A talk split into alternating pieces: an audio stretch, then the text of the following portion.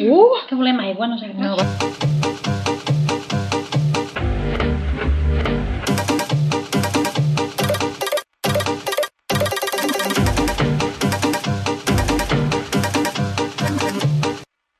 Entre profes, converses amb docents. 3 W baixa punt applejux punt org Hola, benvinguts a un nou capítol de Profes, Converses amb Docents, un podcast en català en què professionals d'educació intercanviem coneixements, experiències, serveis, qualsevol cosa per intentar fer una miqueta la nostra tasca diària una miqueta millor, tant per nosaltres com per als nostres uh, alumnes. Uh, avui amb nosaltres tenim a la Montse Paradeda i la Mònica Castanyer, que totes dues treballen a l'escola GEM de Mataró. I bé, ens venen a parlar una miqueta de English 2.0 o anglès 2.0 per als que no tinguin tant de control sobre l'anglès. Bona nit, noies, què tal? Bona nit. Bona nit. Bé, bé, molt bé. Molt bé, doncs a veure, va, som-hi. Uh, què us sembla si ens expliqueu una miqueta uh, què és el que feu amb el vostre projecte conjunt, que és Mont Projects? Qui comença? Uh, la Montse, uh, una miqueta tot va començar fa uns quants anys quan vam descobrir una plataforma d'aprenentatge que es diu Moodle. I a partir d'aquí, d'investigar i de formar-nos i d'anar doncs, a les Moodle Moods, que és on la gent diguem-ne comparteix el que coneix de Moodle, vam començar eh, diguem-ne que eh, ensenyar d'una manera una miqueta diferent. Uh, vam poder aprendre que doncs, uh, podíem fer també projectes de manera digital, els vam incorporar a la nostra aula d'anglès, totes dues són professores d'anglès, tant a ESO com a batxillerat i també fins i tot a primària. I arrel d'aquí doncs, hem començat a fer una mica doncs, certes coses noves. El primer que vàrem fer és potser adaptar aquells projectes que fèiem en paper, perquè de tradició de projectes ja en teníem, i vam descobrir i de que ens donava moltes avantatges el fet de fer-ho digital. Alumnes que a vegades, eh, quan feien els projectes, necessitaven també um, saber plàstica o havien d'enganxar coses i no eren massa hàbils en fer-ho, el fet de fer-ho digital i per tant el, el que era la decoració era el que menys comptava perquè nosaltres volíem que ho fessin en anglès, també podien oferir un bon treball, malgrat no tinguessin doncs, destreses plàstiques. Per tant, vam començar adaptant els que ja fèiem eh, en paper, vam començar a fer doncs, llibres digitals utilitzant Mixbook i ens donaven uns resultats eh, òptims i en, en el sentit de que alumnes que mai havien fet els deures es començaven a fer. I això ens va animar. Sí, aleshores vam començar doncs, a, ja et dic, a fer servir més eines de Moodle i també eines de la web 2.0 i a partir d'aquí hem anat adaptant, tal com diu la Mònica, doncs, projectes que ja fèiem, fent-los a vegades interdisciplinaris, hem uh, començat a treballar també amb l'avaluació d'una manera diferent. Uh, nosaltres uh, valorem que moltes vegades els professors comencem a plantejar projectes o comencem a plantejar doncs, activitats i a vegades la part de l'avaluació doncs, no la plantegem des del començament, sinó que ens hi trobem al final que quan diem i ara com ho valorem això? Aleshores eh, vam fer doncs, una mica de... vam aprendre que havíem de valorar molt bé l'avaluació perquè és un punt molt important tant pels alumnes com pels professors. I hem començat a treballar des de fa un parell d'anys també l'avaluació diguem-ne que online i això creiem que complementa de molt bé els projectes online que també fem. Aquesta avaluació que, que ens ofereix Moodle, que ens ofereix també la possibilitat de no només el professor avalua l'alumne, sinó que com que són treballs col·laboratius, en alguns casos els alumnes s'avaluen entre ells, en alguns casos hi ha autoavaluació, en alguns casos doncs, Moodle envia diferents, treball, diferents treballs aleatòriament a diferents alumnes i n'han de fer una valoració amb unes plantilles que nosaltres creem. Per tant, no només és l'avaluació tradicional del professor avaluant a l'alumne, sinó que a més a més els alumnes veuen tots els treballs dels altres alumnes i per tant entenen que potser un tingui una nota i un altre en tingui una altra. D'altra banda, podem treballar el que és l'avaluació formativa i la sumativa, que últimament només havíem treballat la sumativa o ens fixàvem molt amb, amb el tema exàmens. I tota aquesta part digital ens ha donat la possibilitat de doncs, d'obrir a altres possibilitats el que és l'avaluació. Molt interessant. A veure, unes quantes preguntes que m'han vingut al cap. Per exemple, um, uh, per situar els que ens puguin estar escoltant o que ens estaran escoltant en breu, um, com són les vostres aules? Vull dir, en quant a recursos, uh, a cada teniu per un o teniu unes aules en pissarra digital? O com, com, com, com implementeu aquest model dins de l'aula? A veure, nosaltres ja t'hem dit que vam començar de fet a treballar amb Moodle a l'aula el 2007 de manera experimental. I ho vam incorporar a l'aula de sisè de primària i el que fèiem en aquell moment era que els alumnes anaven a l'aula d'ordinadors amb nosaltres i treballàvem doncs, de manera conjunta i també de manera experimental eh, doncs, les activitats que els demanàvem. Després ens hem anat adaptant i hem vist que la millor manera de funcionar per nosaltres, pels alumnes i per la manera que tenim muntada l'escola és que nosaltres plantegem projectes i estem parlant de, des de l'aula d'anglès, a la nostra escola, a ESO, tenim tres nivells d'anglès, compartim, tenim dues classes, però dividim els alumnes en tres nivells, el, el diem que l'avançat, l'estàndard i el, el bàsic.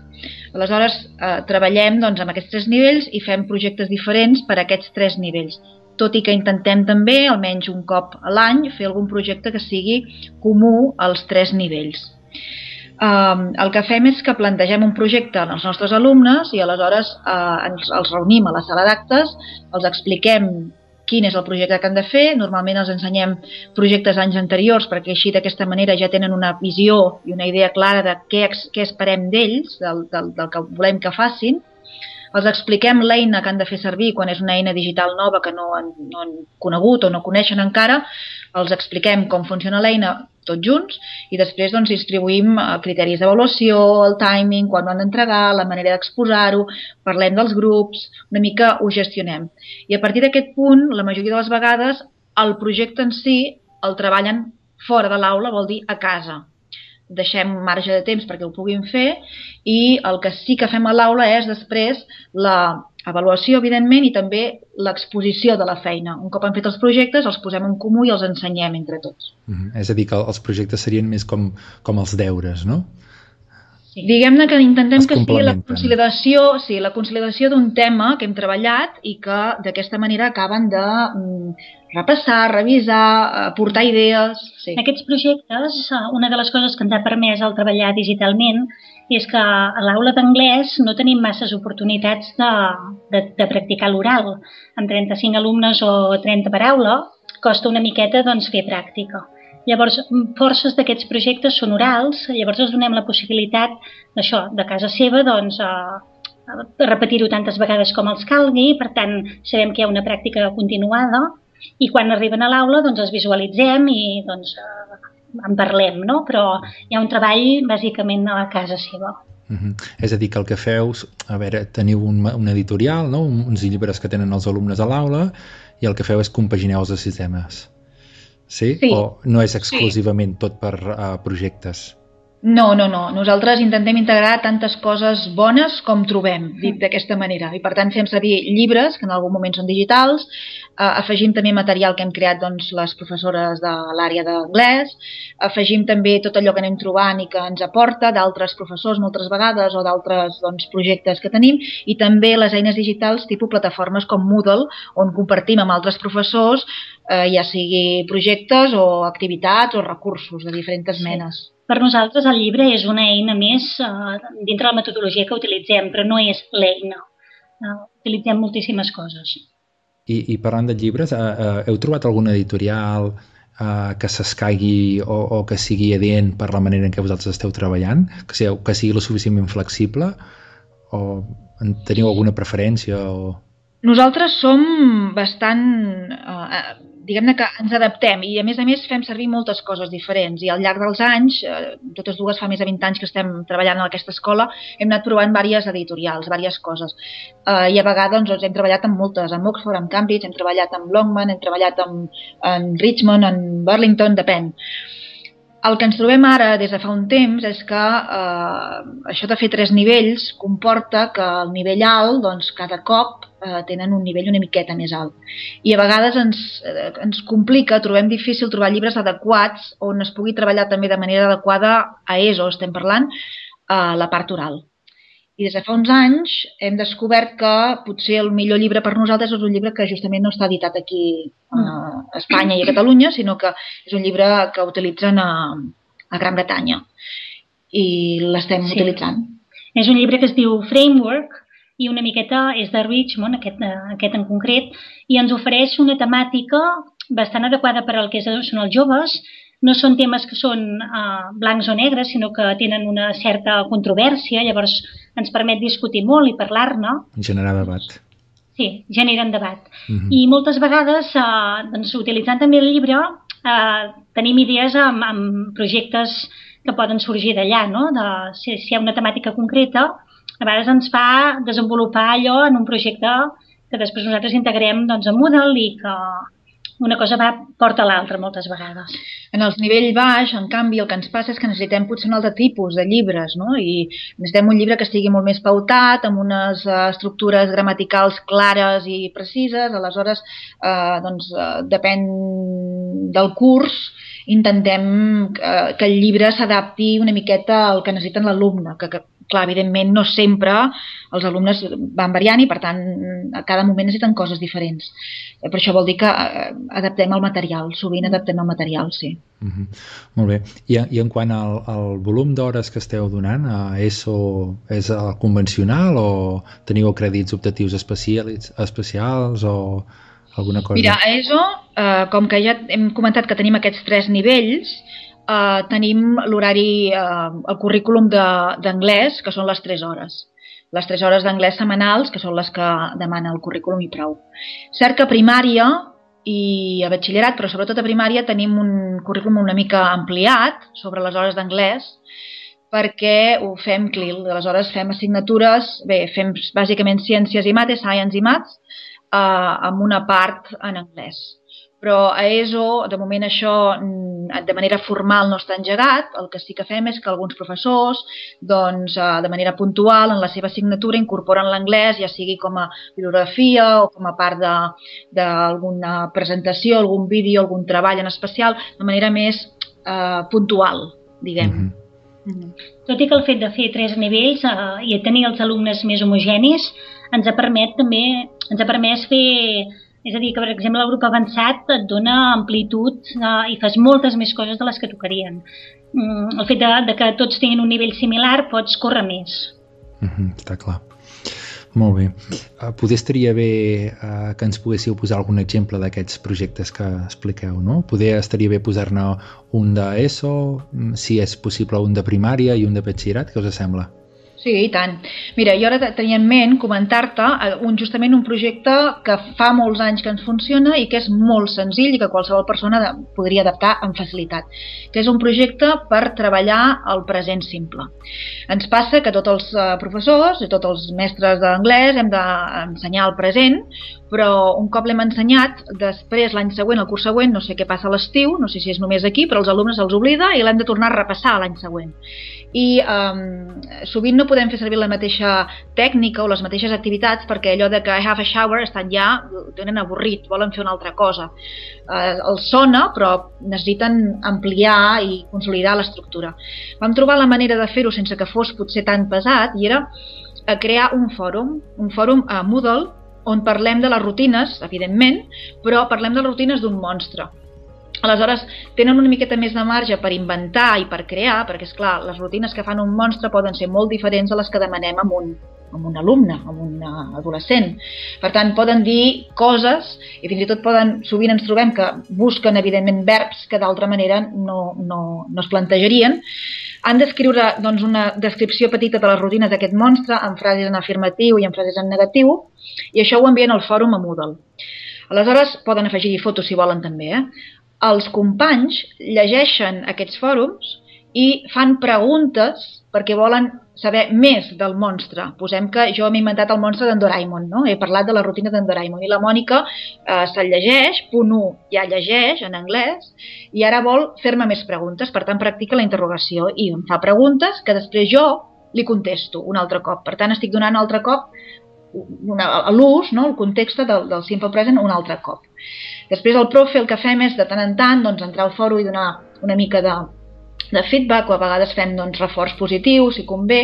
Podem en aquest fòrum doncs, avaluar i posar notes a través de les escales, podem posar notes que nosaltres mateixos hem creat i dir doncs, good work o a little bit weak o depèn. Fins i tot podem corregir si ens interessa aquests fòrums editant-los, encara que l'eina d'edició a Moodle és bastant senzilla, però suficient per afegir, treure, tatxar i marcar en vermell. I aquest projecte és molt senzill, ens dona molt bon resultat.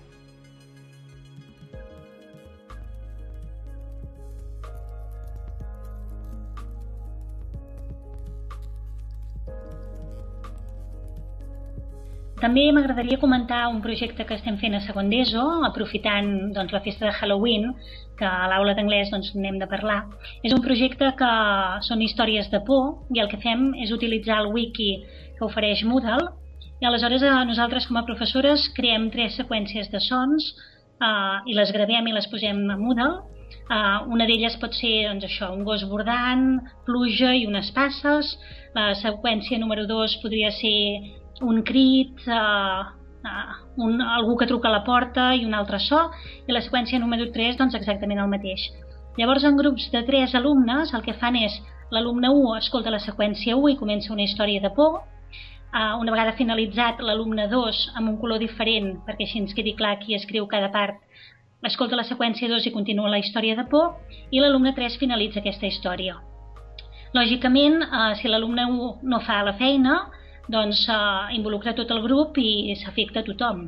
I d'altra banda, alumnes que mai feien els deures, el fet de, de que això doncs, apareix i més han d'escoltar aquests sons, eh, ens trobem que hi ha un resultat d'un 99% que fan els deures i escriuen la història, amb l'agravant de que, com que ho llegirem entre tots, si esforcen prou eh, en fer-la prou bé, no? Sí, jo a batxillerat volia comentar també un d'aquests projectes que fem. A batxillerat fem un intercanvi amb una escola anglesa, a Sleaford, i el que fem és que els nostres alumnes de batxillerat eh, quan aquests eh, alumnes anglesos arriben, doncs els ofereixen una espècie de ruta, una ruta per Figueres i per Girona. Aleshores, els nostres alumnes graven amb una pàgina que es diu Voices, eh, graven eh, uns clips de veu, amb la seva pròpia veu, eh, amb informació de diferents llocs de, que visitarem, tant de Figueres com de Girona. Eh, això es pot fer doncs, entrant a la pàgina, nosaltres creem un compte, ells fan aquesta gravació i poden incloure imatges i, de fet, hi poden marcar punts des de Google Maps i un cop feta aquesta ruta eh, podem doncs, descarregar els links i uh, la informació per convertir-ho en codis QR.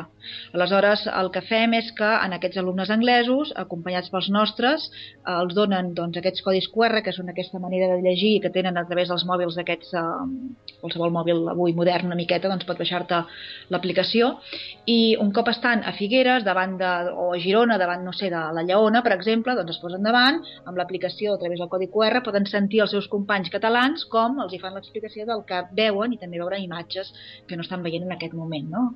Una mica aquest és un projecte que a batxillerat els agrada molt, funciona. I tant, no m'estranya. molt bé, sabem passar pipa.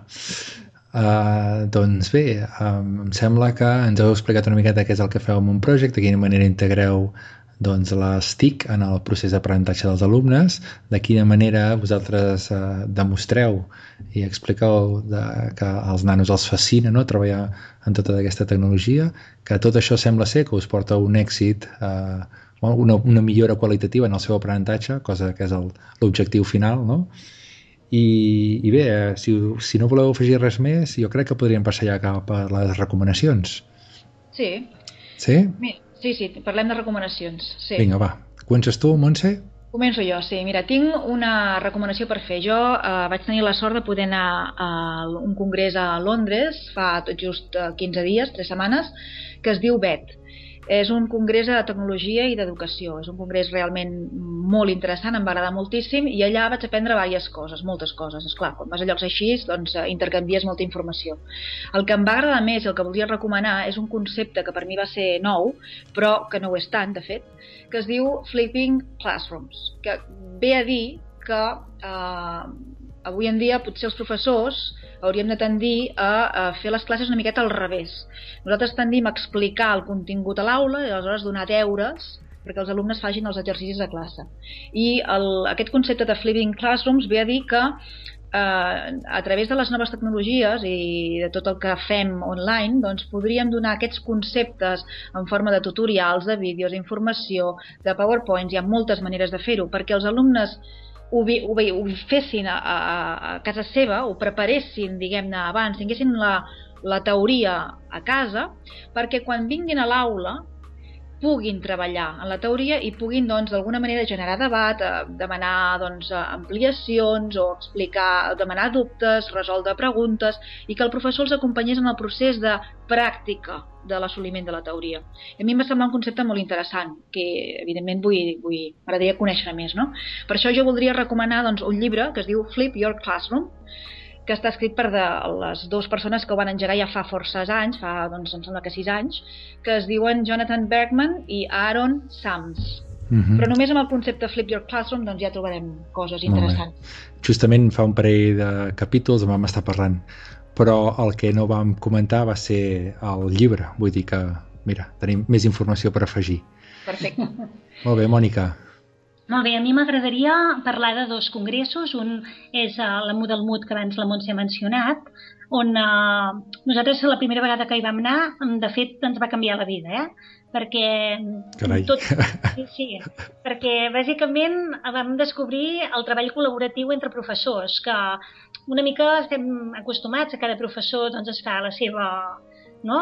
es crea la seva metodologia i moltes vegades no, no ens en recordem de compartir. I el fet de compartir fa que l'altra persona doncs, a, a, a complementi allò que estàs fent tu o a través de preguntes a, ampliï aquells teus coneixements, et passi coses que tu no hi havies pensat. Per tant, el tema de la Model Mood ens, és un, bueno, nosaltres ja et dic que ens va canviar la vida. I d'altra banda, un altre congrés que es fa cada any és el de Ciberespiral a Barcelona, on pràcticament va tot de tecnologia i de projectes i bueno, realitats de diferents escoles i sempre que hi hem anat hem après moltíssim. Uh -huh. Comparteixo amb vosaltres uh, l'experiència. Uh, molt bé, i per part meva jo us voldria recomanar aquesta setmana, uh, ara s'està parlant moltíssim dels MOOCs, i jo n'havia fet algun amb més o menys èxit, però aquesta vegada n'estic acabant un a Coursera de la Universitat d'Edimburgo que es diu e-learning and digital coaches i m'està agradant moltíssim i és una manera molt interessant i divertida d'ampliar la nostra formació. I doncs bé, amb tot això que hem dit uh, s'acaba un nou capítol d'Entre Profes, Converses amb Docents. Amb nosaltres ha estat avui la Montse i la Mònica, totes dues de Moon Project i els trobareu online a www.monprojects.com o bé a Twitter també, amb Monprojects. arroba Montprojects. Molt bé, doncs això és tot per avui. Jo sóc en Cristian Negre i fins a la propera. Sobretot, moltíssima salut i bona feina. A reveure. Gràcies, bona nit. Adeu. Molt bé, què us ha semblat, noies? Molt bé, Cristian, molt bé. No passa res, no passa res. Entre profes, converses amb docents. 3 W baixa. Punt